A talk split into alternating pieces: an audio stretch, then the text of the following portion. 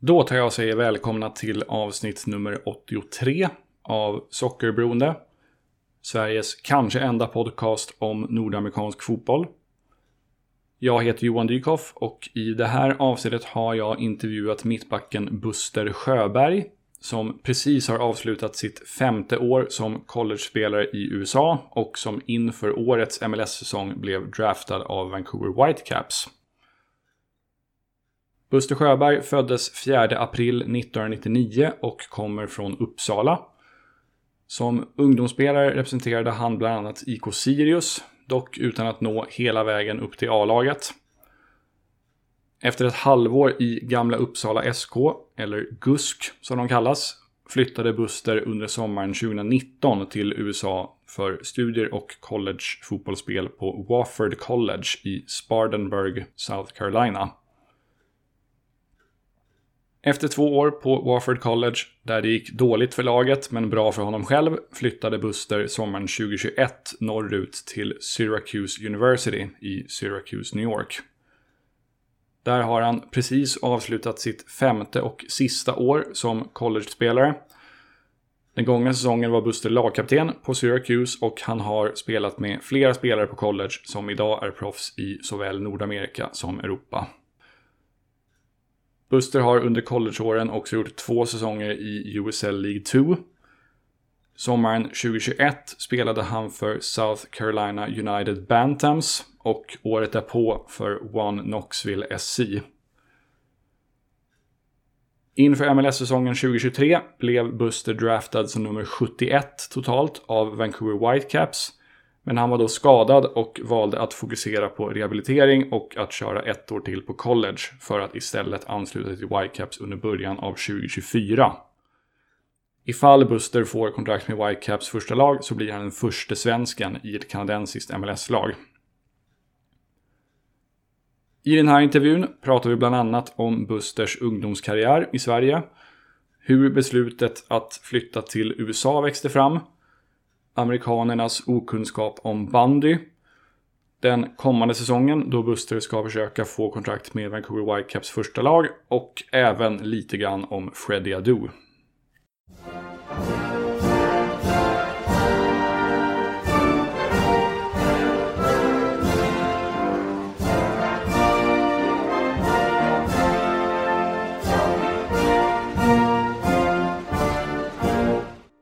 Till att börja med så tänkte jag be dig att lite kort men kärnfullt gå igenom din ungdomsfotbollskarriär hemma i Sverige, alltså innan din USA-flytt. Du är born and raised i Uppsala om jag inte misstar mig. Ja, precis. Så hur såg, hur såg din ungdomsfotbollskarriär ut? Så jag började spela i gamla Uppsala SK i Uppsala. Så jag spelade där från, så min syrra är två år äldre och hon spelar fotboll. Mm. Så jag hängde med mamma och, mamma och pappa, de var med som tränare och lagledare i hennes lag, så jag var ju runt det laget liksom. Så jag var tre, fyra år. Så jag var ju typ som en maskot i deras lag mm. i princip. Sen när jag var fem, sex började jag spela med Gamla Uppsala själv. Spelade där till jag var elva tror jag.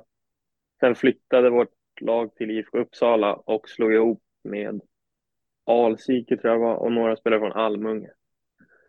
Jag spelade IFK Uppsala tills jag var 14 och sen blev det IK Sirius från att mm. jag var ja, 14 till 19 och sen spelade ett halvår med GUSK innan jag flyttade över till USA för college. Och du är född 99, eller hur? Ja, precis. Just det. Eh, hur bra var du som ungdomsspelare, skulle du säga? Jag var ändå rätt bra, skulle jag säga. Jag var med mycket i U21 i Sirius och var väl en framstående spelare både ja, från U15 upp till U21. Men sen så, ja, det var svårt att slå sig in i A-laget, så det var man fastnar i U21 rätt tidigt. Men det, ja. men det blev många, många matcher där i Sirius U21. Just det. det var, men skulle säga, ja, en bra akademispelare. Mm. Kan du nämna några av dina gamla lagkamrater på ungdomsnivå som lyssnarna kanske känner till? Det var många som var väldigt duktiga, men det är många som har lagt av. Men jag mm. spelade med, jag spelade dock aldrig samma lag.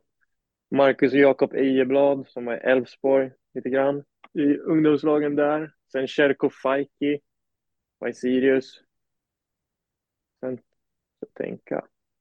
Jamie Roche, spelar honom? Ja, jag spelar lite med Jamie, så han är nog den bästa jag lirar med faktiskt. Just det. Så jag var, sen så lirar jag med ganska många från A-laget i U21. När de klev ner och lirade. Men några i min åldersgrupp som har blivit riktigt bra, det är inte många alltså. De flesta Nej. har slutat. Fast det var väldigt många som var väldigt duktiga när vi var yngre.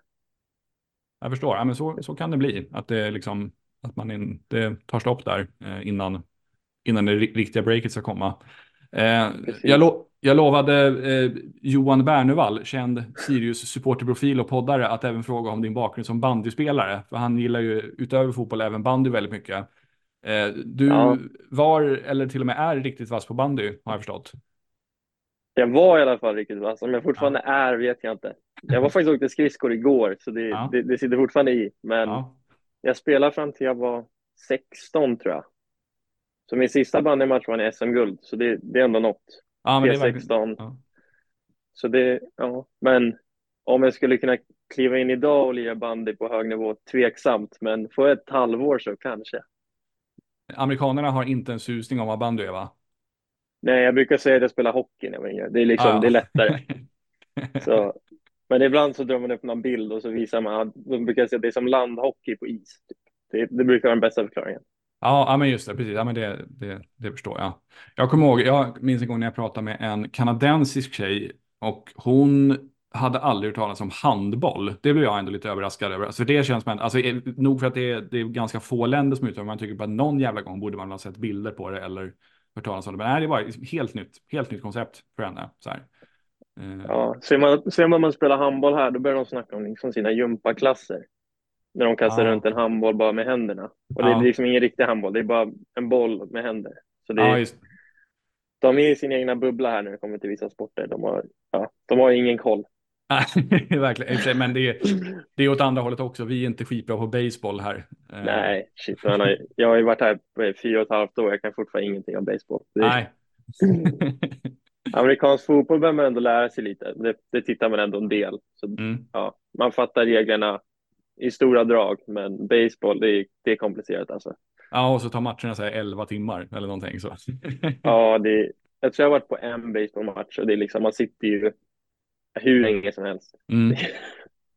men det är roligt när man går med några ja, polare som har koll, då kan man ändå liksom komma in i det lite. Mm. Precis. Eh, hur och när föddes idén att plugga och spela fotboll i USA? Det var nog, så jag spelade i Sirius fram till 2018. Och den sommaren, jag gick ut gymnasiet under våren där. Mm. Och sen så började jag jobba på, på Arlanda som så här cargo loader. På aviator. Så det är, ja, de tar hand om allting på liksom plattan. Så började jag jobba där och det var väl inte det roligaste jag gjort. Och jag hade tankar om att börja plugga och jag hade sökt in till några kurser på Uppsala universitet. Mm. Och så fick jag ett Facebook-meddelande från en kille som jobbade med att ta spelare från Sverige och Norge till college. Och så svarade jag och så surrade vi lite fram och tillbaka och sen ja, bestämde jag mig för att köra på det. Mm. Så där någon gång typ augusti, september 2018 så bestämde jag mig att jag skulle åka nästa år. Just det. Var det... Så det kom väl... Ja, förlåt, fortsätt. Kom väl lite som en slump liksom från ingenstans. För hade jag inte fått det Facebook-meddelandet så tror jag inte att jag hade gjort det. Det var inget som jag liksom hade jag hade nog tänkt på det året innan också. Man kan ju åka direkt efter gymnasiet, så ska man vänta ett år. Mm. Och då funderade jag på att göra det direkt efter gymnasiet, men sen så bestämde jag för att inte göra det. Och så kom jag, så var jag där med jobbet och det var inte jätteroligt. Och så tänkte jag, plugga och spela fotboll på relativt hög nivå. Det är nog roligare än att spela ja, division 2 och knega liksom. Så jag det förstår. var lite så det gick. Ja, just det. Eh, just då, det var sommaren 2019 som du flyttade över, eller hur? Ja, precis. Just det. Och till att börja med så höll det till på Wofford College i South Carolina. Eh, ja, hur, precis. Hur, hur hamnade du, hur blev det, varför blev det just eh, den skolan? Så när man, ja, när man, när man börjar själva rekryteringsprocessen som europé, så man har ju ingen aning var man ska hamna. Det är verkligen så här, man, man läser alla namn, man försöker göra sin research, men man, man blir inte klokare alls trots att man spenderar massa timmar. Men jag hade en del skolor och jag tänkte liksom, ja, man vill ha ett bra scholarship för det, det är väldigt dyrt att studera i USA. Mm. Så det var liksom nummer ett, få ett bra scholarship. Så jag hade väl en handfull, tio skolor som gav mig ett bra erbjudande. Och så ja, tog man in lite faktorer som tränare, medspelare. För jag försökte prata med åtminstone en eller två på varje skola. Mm. Och då kände jag att ja, fick en riktigt bra känsla av tränaren och spelarna. Så det var i princip det som där. Just det. När du säger bra erbjudande, snackar vi typ allting betalat eller vilken nivå är det? Ja, precis. Så det är väl ja. fullt scholarship brukar man kalla det. Just det. Just det. Eh, hur var första tiden där borta? Kanske typ första månaden eller så? Var det en svår omställning för dig? Inte så farligt. Jag kom, jag kom dit typ två veckor innan försäsongen började. Och så bodde, så det var en kille som bodde typ 45 minuter från skolan. Så vi, vi bodde i hans hus, jag, han och sen en engelsman och en norsk kille. Så då mm. har man en norsk grund så kan man ju alltid styra svenska liksom. Så då kom man in i det ganska, liksom, lite, lite sakta men säkert. Man kan, för det, det är svårare att förstå engelska vad man tror när man kommer över för första gången och sitter, sitter på en lunch liksom. Mm. Och alla pratar engelska. Även fast man tittar på tv, man pratar engelska, inte jättemycket, men man har ändå engelska i skolan från tvåan kanske. Men det, det, det tyckte jag nog var den största omställningen, bara liksom det vardagliga surret på engelska. Men det tog typ en vecka och sen var man inne i det. Men det tror jag var den största. Just det. Och sen fotbollsmässigt så kommer jag ihåg, det var ju ändå ganska många bra spelare där, men det var, man har ganska stora trupper i college. Man har ju mellan typ 25 och 35 spelare. Och spelare med 1 till 13 är ju ofta väldigt bra. Men sen det faller av rätt snabbt efter de spelarna. Så det var ju lite så här, ja, det kändes lite konstigt att vissa var med i laget på något sätt. Men sen var de ju fantastiska personer. Mm. Men ja, det var väl lite av en chock också, liksom hur nivån kunde skilja så mycket. Ja, vad intressant, för det är ändå liksom NCAA Division 1 det där. Eh, ja. Eh, men, men var liksom de, de, som var sämre, snackar vi liksom att, alltså snack, vad snackar vi för nivå? Division 5-6 i Sverige eller vad, om du skulle uppskatta? Ja, kanske division 3-4. Ah, okay, ja. Division 4 kanske. Inte, det var inte liksom helt värdelösa, men det var, det var ändå lite så här, man kommer över och tänkte, ja, man har ändå hört mycket, alla ska vara så vältränade på college, det ska vara så himla högt tempo och sen ja, var det några som kanske inte levde upp till det man hade liksom tänkt sig. Men vet du om de, för jag, det här har jag funderat på själv, alltså hur, huruvida liksom alla i ett collegelag har proffsambitioner. Men om, om man säger liksom nedre halvan i ditt lag där, var, var de där med ambitionen att bli proffs så småningom? Eller? Nej, det, det är många som går på college som har mer en ambition att få en bra utbildning samtidigt mm. som kan spela fotboll på sidan. För det är en mm. väldigt rolig upplevelse oavsett vad man har för liksom, ambitioner med sin fotboll. Och sen min gamla skola, den här Syracuse är också en bra akademisk skola, men Wofford var väldigt bra. Ja, för att få sin kandidat så är det en väldigt, vad kallar det på svenska? Det är en meritfull ja. skola i South Carolina framför allt. Så många som går där, de kommer liksom, de hamnar på en bra skola om de blir en master eller de får ett bra jobb efter. Så ganska många som var där för skolan och sen var det fotboll på sidan. Liksom. Ah, okej, okay. ja, just det. Jag vet att han, eh, Forrest Lesse och gamla Sundsvalls mittbacken, han gick ju där. Eh, ja, precis. Kommer jag ihåg. Han måste vara en av, det, det har väl inte sprutat ut proffs därifrån vad gäller fotboll, men han, han är en av dem i alla fall. Eh, och sen, ja, ja, han är nog det bästa skulle jag tro. Det måste han vara. Tills du övertar den titeln förstås. ja, vi får hoppas det. Ja. Eh, det, det, ligger som sagt i South Carolina, Spartanburg, South Carolina ligger det i. Eh, hur trivdes du i den delen av USA? Det är ju en jäkla skillnad mot Uppsala kan jag tänka mig. Ja, det var rätt annorlunda, det ja. får man säga. Men det, det, var, det var en väldigt rolig upplevelse. Det är en väldigt liten skola, jag tror det är typ 1800 studenter. Och så är det liksom ett litet campus och allt är supernära, så man är liksom i sin egen lilla bubbla. Och sen så hade man ju liksom staden runt omkring, men det var inte, den enda gången man lämnade campus var typ när man skulle åka och handla mat liksom. Okej, okay, ja. Så det så var, du, ja. Du utforskar inte stan så mycket liksom? Inte jätte, det blev ju då och då att man mm. drog ner till centrum som var typ två gator. Men annars så var det, det var mest liksom man är på campus, man har sina lektioner och plugg och fotboll. Så är man där i sin egen lilla bubbla. Jag förstår. Närmsta stora stad är Charlotte va? Ja, precis. Hängde du där någonting? Vi tänkte många gånger att vi skulle på basketmatch eller amerikansk fotboll, men det blev aldrig av. Det var, okay. uh. det är väl typ en, kan vara 45 minuter, en timme bort, så det är inte jättelångt, men det, mm. det blev aldrig av. Nej, okej. Okay. Jag skulle gärna åka dit. De har, det är jävligt bra drag kring deras MLS-lag också. Uh, ja. Så de, är, de är inte speciellt bra sportligt, men det, de har ju, jag tror de hade näst högst publiksnitt gångna säsongen eller så. Så de, de verkar gilla fotboll där. Eh, hur gick det för dig fotbollsmässigt på Wofford?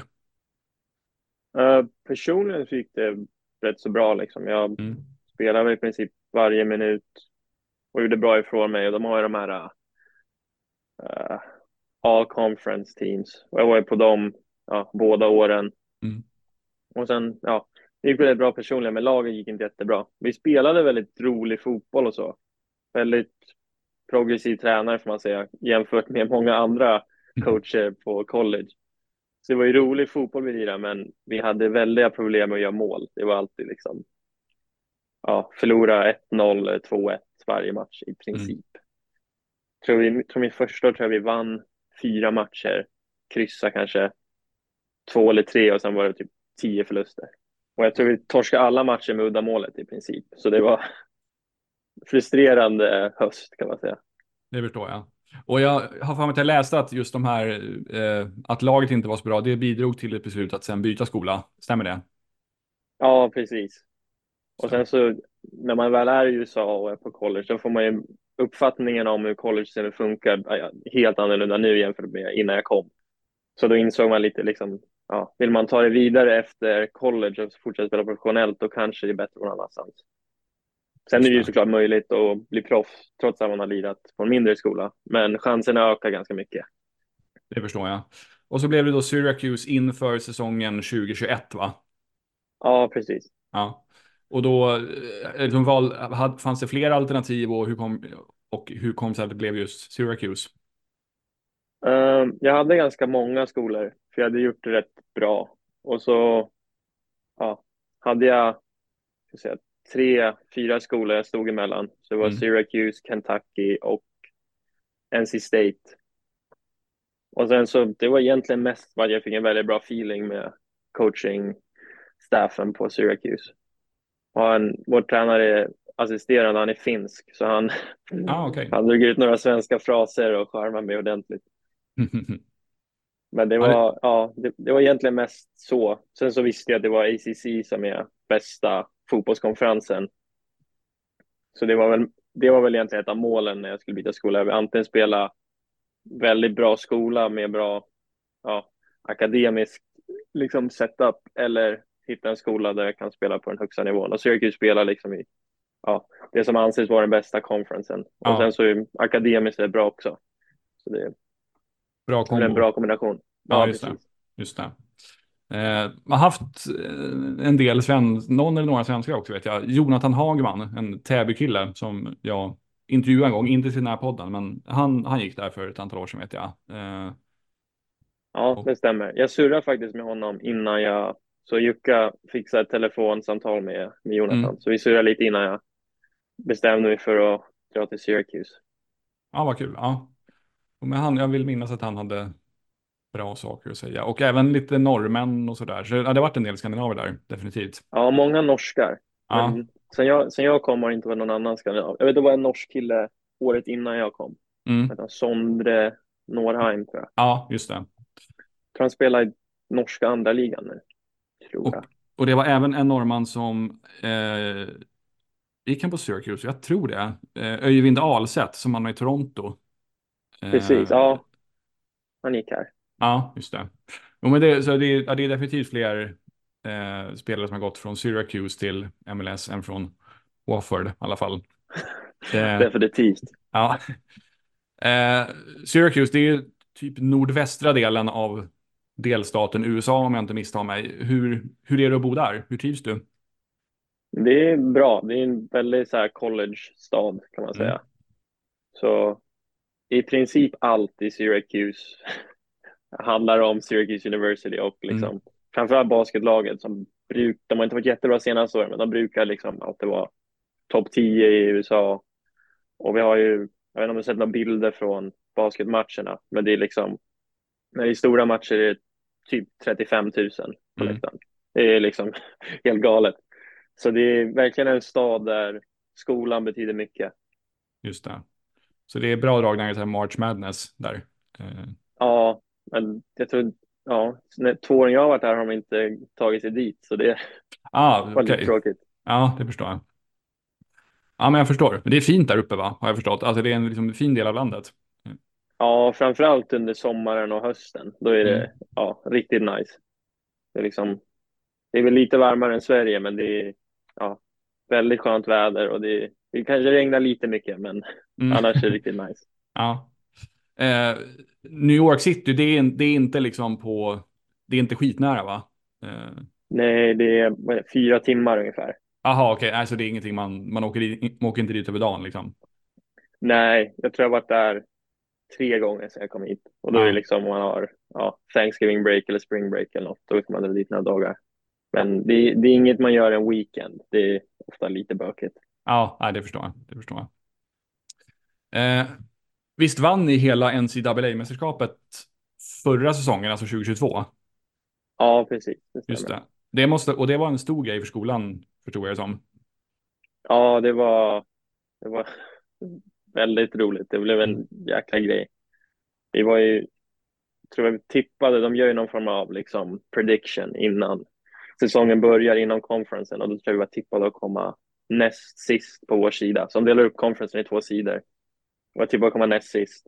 Och då var det, jag kan säga efter två, tre matcher så hade det ändrats ganska ordentligt för vi mm. var, ja, vi var riktigt bra förra året. Så vi hade, ja, väldigt många bra spelare. Det är mm. två i MLS just nu och sen har vi en som gick till Belgien som lirar. Ja, just det. Just det.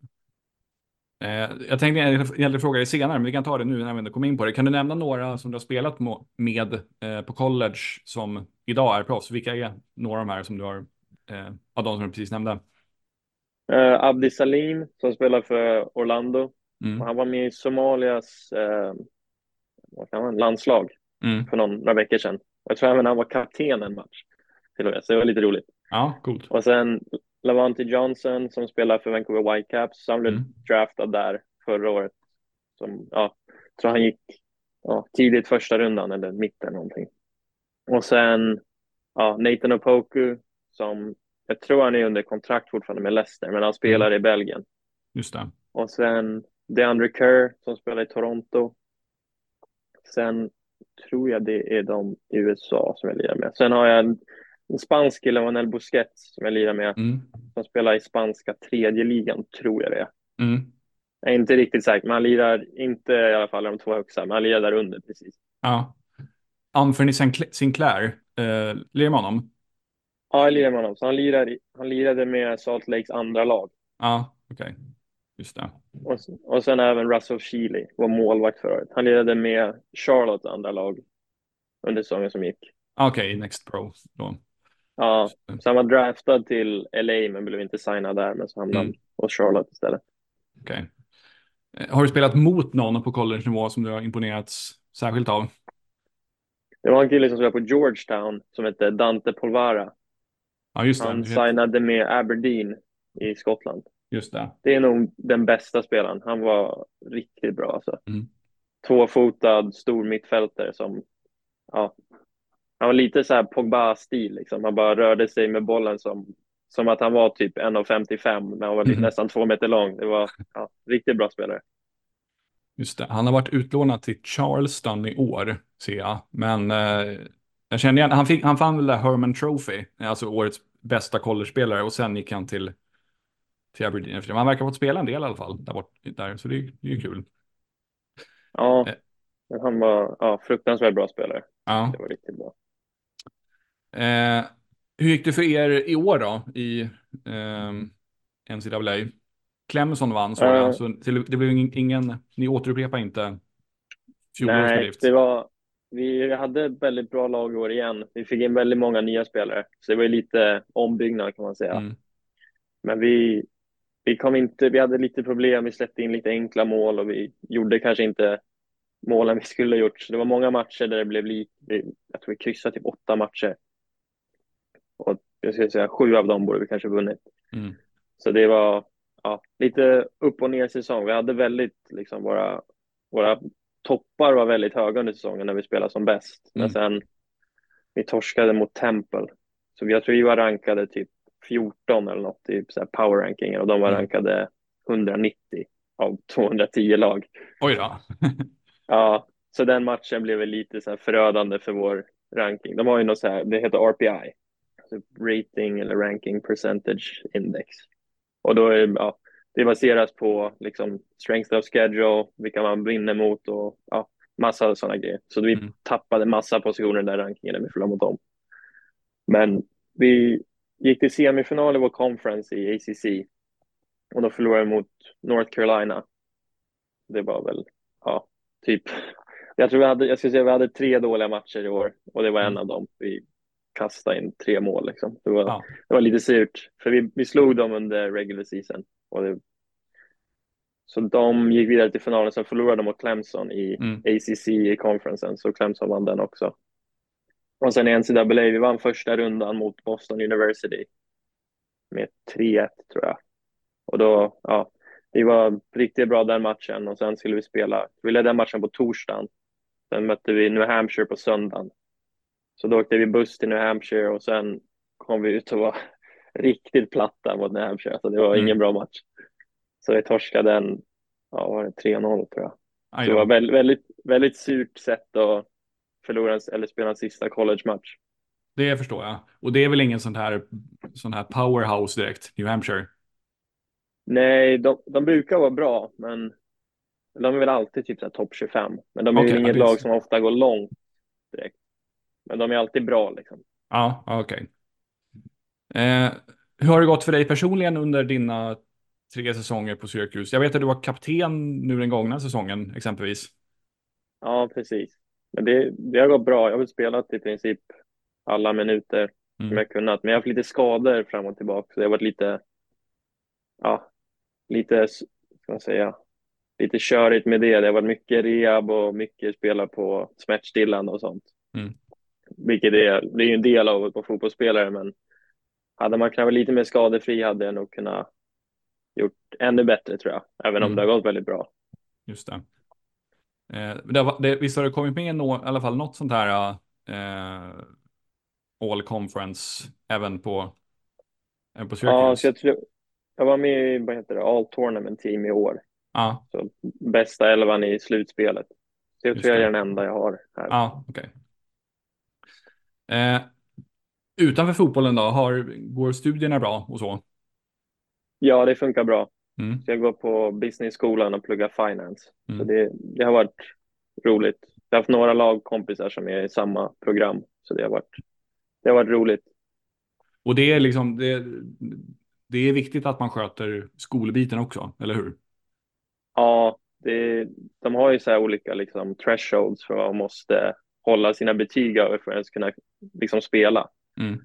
Men jag har aldrig varit nära de gränserna. Men jag vet några lagkamrater de har liksom varit nere och snuddat på gränsen där ja, får du inte ett B eller ett A på sista uppgiften då kommer du inte kunna spela. Det. För då är dina betyg för låga för att vara eligible. Mm. Men ofta så det brukar lösas. Men det är, de har ju massa, liksom, det är rankingar för allt. Så det är, mm.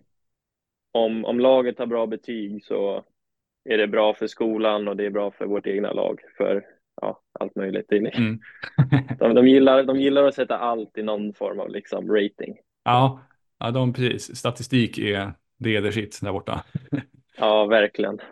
Jag tror fan att det var en spelare, nu kommer jag inte ihåg vilket, vilken skola han gick på, men han blev draftad av New England eh, rätt nyligen. Han är inte kvar idag, men jag tror han, han sumpade sitt sista år på college för att han inte hade tillräckligt bra betyg. Det var åtminstone så Oj. snacket gick. Eh, ja så, så kan det gå till alltså? Ja, alltså vissa, det finns ju en del spelare som lämnar college tidigt för att gå i draften. Mm. Och sen så bara skippar de liksom och slutför plugget. Precis. Men de flesta skulle jag ändå säga, de, ja, nu vet jag inte exakt, men de flesta lyckas ändå klara att få sin degree mm.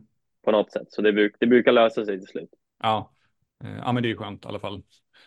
Eh, då ska vi, den gångna säsongen, det var ju din då femte på college. Ni fick, en, en, ni fick ett femte år på grund av covid, eller hur? Precis. Just det. Eh, och du blev faktiskt draftad av Vancouver Whitecaps inför årets MLS-säsong. Men det blir först nu till kommande säsong som du faktiskt eh, ansluter till Whitecaps, eller hur? Ja, det stämmer. Tackade du liksom nej till att åka dit redan i år, eller hur, hur funkade det? det var, jag var ju skadad i princip hela säsongen förra året, men jag spelade, ja, jag spelade hela regular season mm. och så tror jag lirade första matchen i slutspelet. Men sen var det liksom för, det var, ja, jag kunde knappt liksom gå för jag hade så ont. Så då, ja. Jag vad, vad var du skadad? Uh, det var, det är komplicerat, men jag hade ljumsk höftproblem. Ja. Så det visade sig att jag hade torn labrum i båda höfterna. Mm. Och mm. impingement. Det är liksom typ brosket som sitter i höften, allt var trasigt. Så jag fick massa inflammationer på ja, pelvisbenet, liksom, ja. över höfterna. Så det var lite komplicerad skada, men så jag satt, lirade inget av slutspelet i princip i nationella. Mm. Och sen så, vad ska man säga, min draftstock var väl ganska högt efter ja, regular season. Så min ja, representant för att prata med MLS-klubbar. Han hade sagt liksom att det finns, finns mycket intresse och troligtvis kommer det gå tidigt och här är några klubbar som verkligen vill ta dig. Och sen gick slutspelet och sen bestämde jag mig för att komma tillbaka till ett femte år. Så då försökte min representant få bort mig från listan, för liksom draftlistan. Mm. Men det var för sent för att göra det, så jag kunde inte komma av draftlistan. Så då försökte han surra ja. med alla MLS-klubbar att han kommer gå tillbaka till Syracuse ett år. Så om du draftar honom kommer han inte vara hos er i vår. Det, mm. liksom, det kommer inte gå. Så då klubbarna som var intresserade, de drog sig ur. Men sen så tredje rundan kom runt och då tog Whitecaps med. Så det var, mm. det var lite oväntat. Men... Det förstår jag. Eh, har du varit där någonting sen du blev draftad, alltså i Vancouver sen du blev draftad av dem? Nej, så tanken var, jag opererade mig i januari, tror det var typ den tionde eller elfte. Och sen ville de att jag skulle flyga över i januari, men jag var på kryckor så det var, det var lite ja, svårt. Ja. Så jag har inte varit där än, men jag ska ja. dit i januari nu. Så det, det ser jag fram emot. Det ska bli roligt. Ja, det förstår jag. Eh, jag antar att du inte vet om du kommer spela för första eller andra laget än. Nej, så det är väl princip som liksom provspel ungefär om man kan mm. spela till sig ett kontrakt. Så, ja. Men det brukar ändå vara så att alltså, jag tänker om man blir draftad eh, lite åt det senare hållet så, alltså andra laget brukar man ändå få, där brukar man ändå få kontrakt, i min, skulle jag nog säga. Ja, så som vårt snack har gått så andra laget är garanterat i princip. Ja, men sen om, ja, möjligheten med första laget finns där, men vi får se hur det går. Det är ja. lite up in there. Just det. Du skulle bli första svensk i ett kanadensiskt MLS-lag ifall du, ifall du får kontakt med första laget, så det, det vore ju ballt. Ja, det vore coolt. Ja. Jag hoppas att man kan lösa. Ja, eller hur. Olof Mellberg var ju på väg till eh, Toronto FC någon gång, det är drygt tio år sedan nu, men då, då de, hade ju, de erbjöd honom ett designated player-kontrakt, men då gick ju MLS in och stoppade den övergången, för de tyckte att nej, ni kan fan inte ni kan fan inte ge Olof Mellberg designated player-kontrakt. Så sägs det, det sant, alla, alla fall. Ja, det, det, det, det, kan, det kan du googla på sen efteråt, det är ganska intressant historia. Eller så här, Toronto säger att det var så det gick till att allting var liksom påskrivet och klart, men då klev MLS in och sa så nej, nej, nej, ni, ni, kan inte, ni kan inte ge liksom en, en svensk mittback en designated play-kontrakt. Eh, så påstår Toronto att det gick till. MLS säger att nej, riktigt så var det inte. Eh, men ja, det råder delade meningar om hur det faktiskt gick till där. Det är, ja, det är intressant ändå. Han hade ju varit eh, överlägsen där ändå. Han, ja, om, han, om han hade fått gå. För han var, då var han alltså, han, måste, han, kan, han var inte så jävla gammal då. 2012, då kanske han var 31 eller något sånt där. Eh, så han var, han var fortfarande bra. Han, han hade precis spelat för Olympiakos. Jo, han hade, han hade varit bra där, det tror jag. Definitivt. Ja, var det precis efter EM då? Typ? Ja, det måste varit. Exakt, precis. Efter EM 2012, när han gjorde två mål mot England, om jag inte misstar mig. Uh... Ja, mörkt mästerskap, men jag kommer ihåg att Mellberg, ja, man, man vet vad man fick av honom i alla fall. Ja, men precis, precis. Har du följt Whitecaps lite extra nu den gångna säsongen i och med att du blev draftad av dem? Ja, definitivt mer än vad jag hade gjort om jag inte hade blivit draftad. Men jag har inte tittat mm. jättemycket, det ska jag inte säga. Men jag tittade ganska mycket i början av säsongen.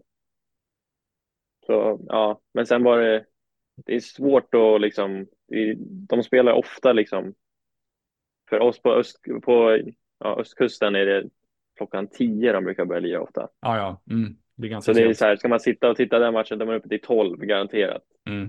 Och ja, ofta har man skola på morgonen eller något, så det brukar bli att man, man tittar resultaten när man vaknar på morgonen istället. Ja, just det. Highlight, de har ju bra highlights på MLS officiella hemsida, eh, så det, det, kan man ju se. Men nej, jag håller med, match, matcherna förstår jag att det blir lite väl, lite väl sent. Men det är, de är inte, det är ganska bra lag ändå. Alltså, han, Ryan Gold är ju svinbra, skotten. Ja, eh, han är riktigt bra alltså. Ja, och Brian White tror jag var den amerikan som gjorde flest mål i MLS gångna säsongen, så det är ändå någonting. Eh, och, ja. Veselinovic, hans serbiska mittbacken, han är bra. Så äh, det är absolut inget dåligt lag. Verkligen inte. Överlag, hur mycket, hur mycket följer du och har du följt MLS under dina år i USA? Um, jag skulle säga första två åren inte jättemycket. Mm. Kanske inte tredje heller, men förra året tittade jag ganska mycket. Mm. En av mina, ja, en av mina roommates, Russ och Sheely, som gick till Charlotte. Vi brukar titta en del MLS. Mm. Tittade typ varje match Philadelphia Union i slutspelet. De brukar lira ett rolig fotboll, alltid mycket mål. Så vi tittade mm. mycket, mycket dem förra året. Men sen, ja, det är roligt att liksom följa polarna som lirar. Det, det blir mest det, liksom. man, man kikar in om sitter man i soffan så, och Toronto lirar, då kan man slå på det och titta om det andra lirar med Insigne på topp. Ja, just det. Han har ändå fått lira en del ju, sista tiden. Uh, ja, i år har han spelat mycket. Jag tror han ja. gjorde mest mål i TFC. Jag tror, jag tror han gjorde mer mål än Insigne och Bernadeschi. Jag är faktiskt, faktiskt osäker, men han var absolut bland de bättre. Det, det tror jag. Ja. Det är ett riktigt skitlag nu gångna året, men, eh, men de har ju, de har ju för, förutsättningar eh, för att bli, för att placera sig betydligt högre upp i alla fall. Verkligen. Eh, de har ju ja, men ägare som är villiga att öppna plånboken och sådär så. Det borde, de borde inte komma sist ett år till i alla fall, det tycker jag inte. Nej, det, de har ju så, det är roligt för vi har många kanadensare i laget här. Mm. Och jag tror ingen av dem som är här just nu har lirat med TFC. Så det är lite så här liksom resten av Toronto mot TFC. De ses lite som maffian i Toronto när det kommer till liksom ungdomsfotbollen och allt sånt. Ah, okej. Okay. Ja. För de har ett sånt sjukt stort upptagningsområde i Toronto. Det är typ mm. tre miljoner människor liksom. Mm. Så ja, de tycker att Toronto inte är välskött, jag kan säga så.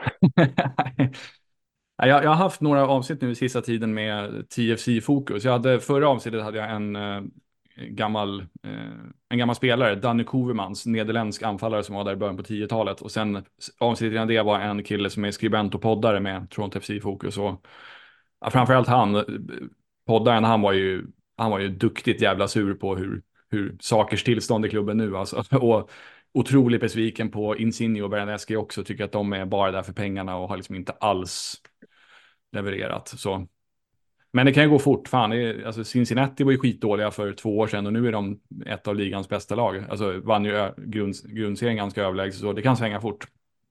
Ja, verkligen.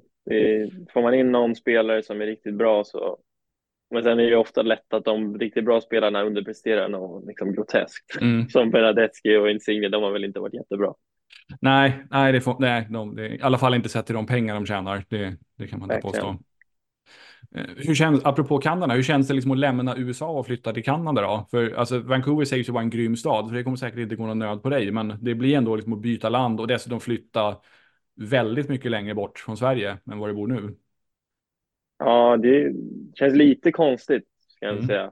Men det är, ja, ni, det är sex timmar här tidsskillnad, men jag tror nio i Vancouver, vilket är liksom, det är, det är svårt att planera ett telefonsamtal ja. när det är nio timmars tidsskillnad. Så är vi lite så här, det blir verkligen andra sidan av världen, får man mm. säga. Men från, från, allt jag har hört med liksom alla jag pratar med, ja, fotboll och icke-fotbollsmänniskor, de säger väldigt mycket gott om Vancouver. Så det, mm. ja, jag ser fram emot det. Det blir en ny upplevelse. Så jag, jag tror det kommer bli väldigt roligt. Mm. Jag vet att eh, du vet David Osted, gamle Bayern-målisen, eh, dansken, ja. han var ju i Whitecaps i flera år och jag, om jag inte misstar mig så har han flyttat tillbaka dit nu med sin familj, alltså efter Oj. spelarkarriären. Ja. Så det, det säger ju ändå en del, alltså de verkar ha stormtrivts där. Så. Verkligen. Nej, så det, det är nog, jag skulle tro att det är, verkligen precis allt jag har hört är att det är ett toppenställe. Så där, där kommer du nog trivas. Ja, men det, det ska nog bli bra. Ja. Visst har du spelat en del i USL League 2 också? Ja, det har jag. Så jag har lirat två gånger. Mm. Hur, hur har det varit? Det har varit väldigt roligt båda gångerna. Så jag mm. lirade i samma, jag tror conferencen bytte namn eller bröts upp mellan åren, men det var i princip samma båda åren jag mm. lirade. Så först då lirade jag med South Carolina United Bantams som ligger i Columbia. Så vi, ja, det blir liksom ett hopplock av college-spelare och gamla proffsspelare. Så det är väldigt liksom, väldigt, väldigt intressant skara människor man hänger mm. med under en hel sommar. Så jag bodde med tre fransmän, en ghanan och två amerikaner, varav en var assisterande tränare. Ja, ah, okej. Okay. så det var en väldigt rolig sommar. Det var mm. riktigt kul. Mm. Och sen har de ju de här reglerna med internet. De vill ju liksom få fram amerikanska spelare, så de har ju alla sina regler med internationella spelare och så. Så jag tror det var gräns på tio spelare som kunde vara med i truppen på internationella. Och vi var väl typ, var vi 30 spelare så var vi typ 20 internationella. Okej. Okay. Så det var alltid folk som fick sitta varje match som inte kunde lira. Det var, mm. det var roligt när de skulle få ihop laget till varje match. För om man, om, vi brukade lira två gånger i veckan i princip hela sommaren. Mm. Så det blev liksom, var man internationell och inte skulle spela, då satt man aldrig på bänken. Då fick man alltid sitta på läktaren. Så det var ja, rolig upplevelse. Mm. Och sen var det med One Knoxville en säsong också, eller hur? Ja, precis. Just så det, det var i Tennessee, ja, i Knoxville i Tennessee.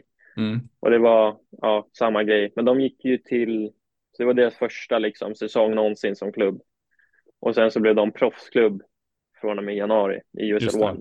Just det, precis. Precis. Det verkar ändå vara ganska... Väldigt... Ja, förlåt, fortsätt. Alltså det var väldigt hög nivå där, för det var många som kom som liksom var klara med college eller var i sitt sista år som letade efter proffskontrakt. Mm. Så det var väldigt bra lag. Vi hade ja, sjukt, sjukt bra trupp kan man säga. Mm. Jo, men det verkar ändå vara en ganska liksom, välordnad klubb. Jag tror inte, jag tror inte det gick skitbra, deras, deras första säsong nu i USL League One. Visst var det deras första säsong? Jag, jag tror att det var ja, det. Var nu, första, det ja, första. Jag tror inte de gick till slutspel, men det verkar ändå vara intrycket utifrån är att det verkar vara en liksom, solid klubb. Sådär. Man ja, in, de, man väldigt inte... bra organiserat. Ja, precis. Ägaren är, han heter Drew McKenna. Mm. Så när jag spelade gjorde jag ett internship med honom också för att bocka av det på mitt ja, curriculum för businessskolan. Så jag jobbade lite med honom på kontoret, så då mm. Fick jag lära mig mycket. Så hans, jag tror hans farfar är ägare av Chicago Bears, oh, amerikanska fotbollslaget. Ja. Så han, ja, han hade rätt bra koll hur man ska ratta en klubb, så det var liksom väldigt bra människor och väldigt bra kvalitet på allt de gjorde med liksom sociala medier och mm. kampanjer och allt möjligt. Så det var väldigt proffsigt för att inte vara en proffsklubb. Just det. Just. Ja. Annars kan det ju vara så på den nivån, alltså om man tänker liksom typ lägsta professionella nivån, eller, men framförallt USL League 2, att det är, det är rätt många klubbar som överlever ett, två år och sen så går det liksom inte ihop sig längre, eh, tyvärr. Men de där verkar, där verkar ändå vara ordning på grejerna, tycker jag. Ja, de är väldigt mycket bra grejer liksom för att det är ju ändå svårt att vara en ny klubb och försöka mm. liksom, förankra sig i en stad. Men de är väldigt bra jobb med det, liksom har ja, trivia nights en gång i veckan på någon lokal pub och det är mm. ja, allt möjligt. De har tröjor som är väldigt förknippade med staden och landskapet och det är liksom allt har någon form av tanke med mm. staden. Allt de just. Så det, det. det är roligt. Ja, det var ju faktiskt en klubb i um den här NES, NASL, den professionella ligan som nu är nedlagd. Där var det en klubb som från San Francisco, San Francisco Deltas, de, de, vann, de var ett expansionslag, vann ligan det året, alltså sitt expansionsår, men sen fick de lägga ner klubben direkt efter att de vunnit. Ja, det... Eh, det är ganska väldigt kort och händelserik historia. Men jag, jag, tror de fick, det var liksom, jag tror inte det var ekonomiskt hållbart att fortsätta. Liksom. Så de fick, det var bara att klappa igen efter typ 10-12 dagar efter att de hade vunnit ligatiteln. Ja, eh, det kan jag tänka mig. Jag har mm. många historier om spelare som har varit i olika klubbar i de lägre amerikanska divisionerna. Det är liksom, mm. lönen dyker inte upp. helt plötsligt har inte klubben betalat elräkningen för lägenheten. Ja. Det är, hyran är inte betald. Och sen helt plötsligt så står de där så här, ja, nu ska vi spela match, här har vi ingen buss. Ja. Det, är, det är mycket sånt i lägre amerikanska divisioner kan jag säga. Precis. Och det verkar som att det alltid är ett årskontrakt som gäller. För, för, i princip alla också tror jag. Så de, by, de byter klubb skitofta, spelarna på den nivån. Eh, så det blir ja. liksom ingen kontinuitet heller i lagen. Det, ja, stökigt som fan verkar det på ren svenska. Verkligen. Det, ja, det, det, jag tror från One Knoxville, jag hade lirat med kanske fem, sex stycken som blev signade sen och skulle spela där. Och jag tror nu i år efter förra året, de hade en trupp på 20-25 spelare. Jag tror mm. det var åtta som kommer tillbaks. Det är, liksom, det är inget man hör om i Sverige, åtta spelare som kommer tillbaka nästa år. Det är åtminstone liksom 15-16. Ja, men eller hur. Och det är dessutom så att de, alltså de, de kan göra klubbyten som är lite svåra att förstå så här ur sportperspektiv. Alltså, alltså säg, att, säg, att, säg att de har spelat för laget som kom trea i grundserien och så av någon anledning blir inte kontraktet förlängt och så går de till de som kom nia. Så här. Alltså, eh, trots att de kanske var ordinarie lag som kom trea så bara, ja, det vart ingen förlängning här, jaha, men då, då går jag till, alltså det, det, är liksom, det är svårt att förstå logiken i vissa, i vissa flyttar, så spelar jag på den nivån också. Liksom, det håller jag med om helt och ja, liksom, Skyttekungen lämnar och går till ett mittenlag. Så här, ja, mycket sånt är det. Eh, ja, det är verkligen inte samma struktur som i Europa med fotbollen. Det blir liksom det är väl också med de här lägre det är ju ofta liksom paycheck to paycheck. Man har ju inte, det är inga jättefeta kontrakt i, i USL 1 liksom. Nej, precis. Eh, för de som inte har sett dig eh, spela, hur skulle du liksom beskriva dig som spelare? Vilket är din, vilken är din, enligt dig, bästa position och dina bästa egenskaper? Ja, så jag är mittback. Ska vi säga, väl en relativt spelande mittback, mm. bra fötter. Men sen, ja, ska säga, min styrka är väl att läsa spelet och liksom vara på rätt position där man ska vara på rätt position. Mm. Jag vill inte liksom ha fysmonster även om jag är rätt så stor. Så jag är inte supersnabb, men jag, ja, det handlar egentligen bara om att vara på rätt plats när man ska vara där. Så mm. Det är mm. väl, jag surrar med några polare och då skulle vi komma fram till någon spelare som jag kunde vara lik. Och det tycker jag alltid är svårt, men då sa ja, en av mina polare att jag var lite som Piqué. Ah, Vilket okay. är en ganska mm. stor komplimang, men det ja. kände ändå det är ganska likt. Bra på att läsa spelet, kanske ingen otrolig fysik, men är, är det man behöver. Just det. Kan du lira mittfältare också ifall det kniper, om du, alltså, om du har bra spelförståelse och bra fötter och så? Det var länge sedan nu. Jag brukade spela mittfältare när jag var yngre. Det var liksom, spelade väl typ offensiv mittfältare fram till jag var 14. Sen började man växa och då sakta men säkert flyttas man bakåt. Så jag var väl mittfältare fram till jag var 16, 17, men sen har mm. jag bara varit mittback. Ja. Men skulle det behövas så kan jag kliva in på mittfältet. Det gjorde jag någon förra året när jag kom in i så här två, tre, två sista minuterna i slutspelet när jag var skadad. Då kom jag in som mittfältare och bara liksom städa.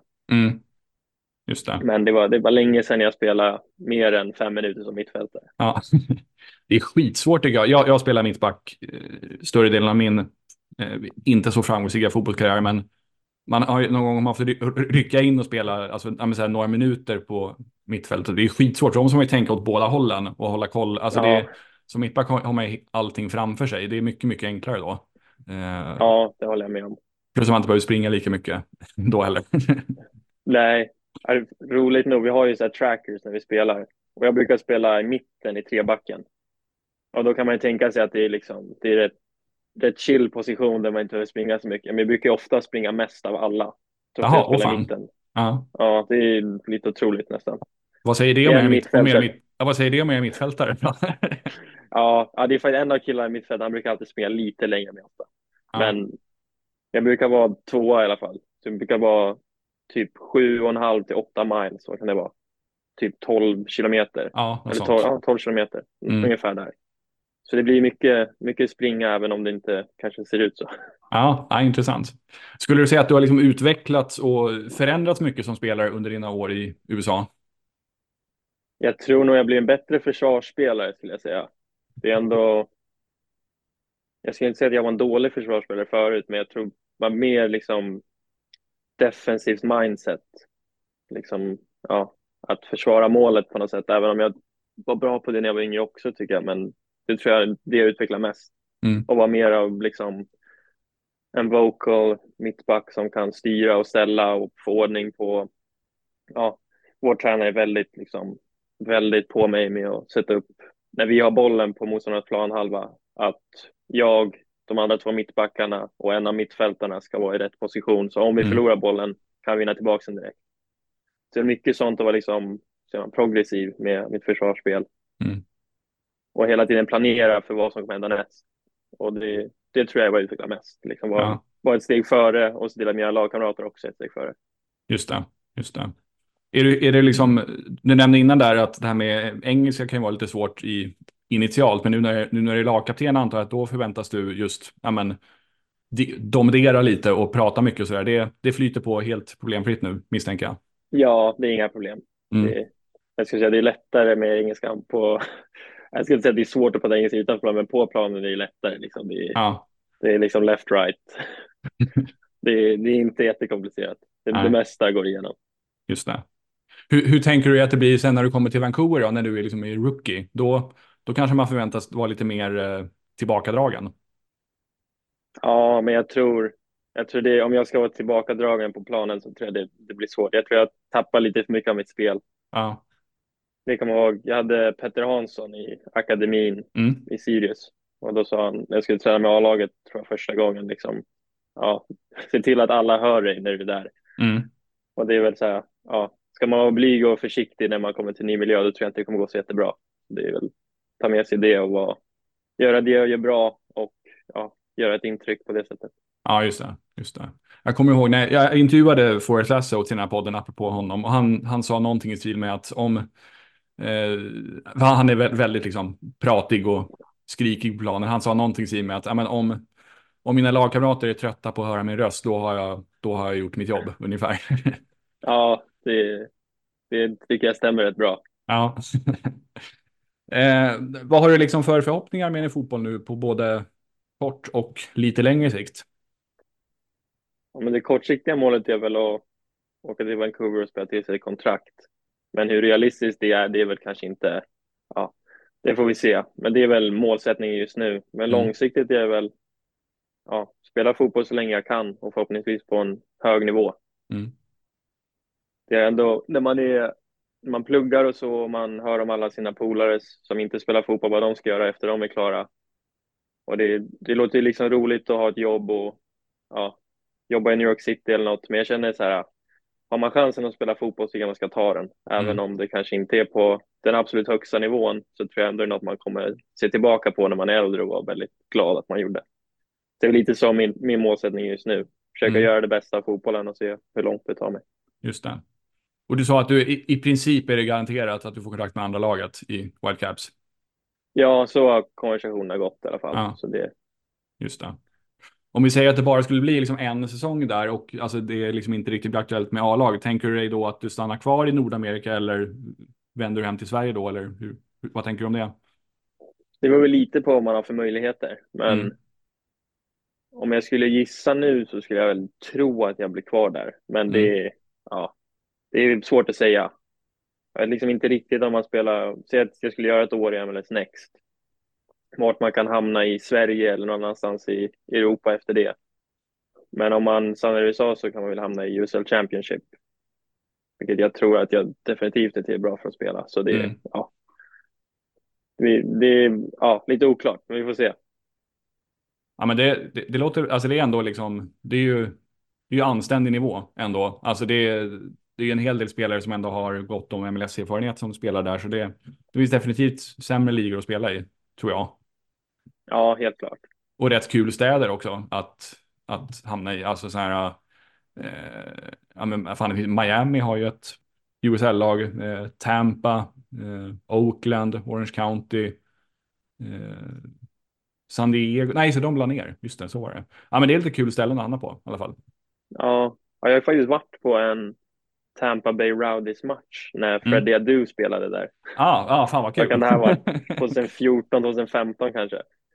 Ja, där är krokarna, det kan nog stämma. Ja. ja. Kanske pappas, lite senare. Ja, ja. pappas jobb brukade ha en lägenhet på hans förra, han är journalist, så någon, koncernen där hade en lägenhet i Tampa, så vi var på mm. semester där två gånger tror jag. Och då drog vi in till baseballarenan i St. Pete Beach mm. och tittade, tittade på Freddie Adu på, på Tampa Bay Rowdies. Ja. Han var inte, inte så bra som hypen var tio Nej, år tidigare. Precis, där hade det väl börjat gå ut för ordentligt ja. Eh, för honom. För det, då var det nog, det var, måste varit efter att han, han var i Finland innan. Och jag tror att det där måste ha varit när han kommer tillbaka från Finland. Eh, ja, jag tror det. Ja, ja, nej jösses vilken, vilken jävla karriär det, det blev av honom alltså. Ja, jag hade en polare, en finsk polare, som lirade med Freddie Adu i, vad hette laget? Vet du vad för lag Freddie Adu lirade i Finland? Cups, tror jag hette. Ja, precis, Cups. Han lirade ja. i Cups med Freddie Adu i andra laget. Ja. Men sen min polare var rätt duktig, så han, han klev ju förbi Freddie Adu och fick lira första laget, medan Adu ja. var i andra laget. Ja, alltså det är ganska intressant att kolla på. Det finns en hel del highlights på honom från tiden när han var så här 18-20 typ, alltså lira i så här, amerikanska u och så där. Och man ser att alltså, han, han har ju boll i sig, han har en jävla vänsterfot och eh, liksom snabb med boll och bra, till, alltså och sådär. Alltså det, så det, han var ju inte liksom dålig, men nej, jag, jag tror att det, det måste ha varit, det, no, det hände något i skallen med honom när han blev så här, när han blev proffs när han var 14 och så han, det gick, det blev liksom för mycket räkmacka i början där, så han har liksom aldrig, han kände nog att han inte behövde anstränga sig typ. Och så Ja, det måste vara. Honom. Ja. Verkligen, för man har den talangen ändå att man blir upploggad när man är 14. Då mm. känns det som att man, om man gör hälften av alla grejer rätt så borde det ändå gå rätt bra om man ja. är så pass duktig. Ja, eller hur? Ja, för han var ju ändå så här, han kom ju med i så här turneringens lag i U17-VM när han var 14. Så no, då, är man ju, då är man ju rätt skaplig liksom. Eh, ja, sen, verkligen. Sen finns det de som påstår, jag säger inte det, men att det är något åldersfusk på honom. Att han kanske egentligen är ja. några år äldre. Eh, så jag har, in, alltså, eller så här, det finns till och med eh, han Grant Wall, amerikanska fotbollsjournalisten som dog under VM. Han gjorde till och med någon sån granskning. Han skickade dit någon journalist till Ghana, där Freddie är född. Och de hittade hans födelseattest och där stod det det datum där, där som Freddie alltid har uppgivit. Så man får, då får man väl liksom lita på att det stämmer. Men, men det har hela tiden under hans karriär funnits lite så här, ja men fan, kan det verkligen stämma liksom att han är så ung sådär? Eh. Ja, men om man har gjort det grävet, då känner jag då borde man ändå kunna acceptera ja. det. Ja, ja men eller hur? Nej, precis, det finns liksom inget bevis som talar, som talar för att det skulle vara fel i alla fall. Så, inget liksom svart på vitt att nej, men han, har, han har ljugit, utan det, nej, det där, man får lita på det då. Men ja, intressant karriär, onekligen. Verkligen, verkligen.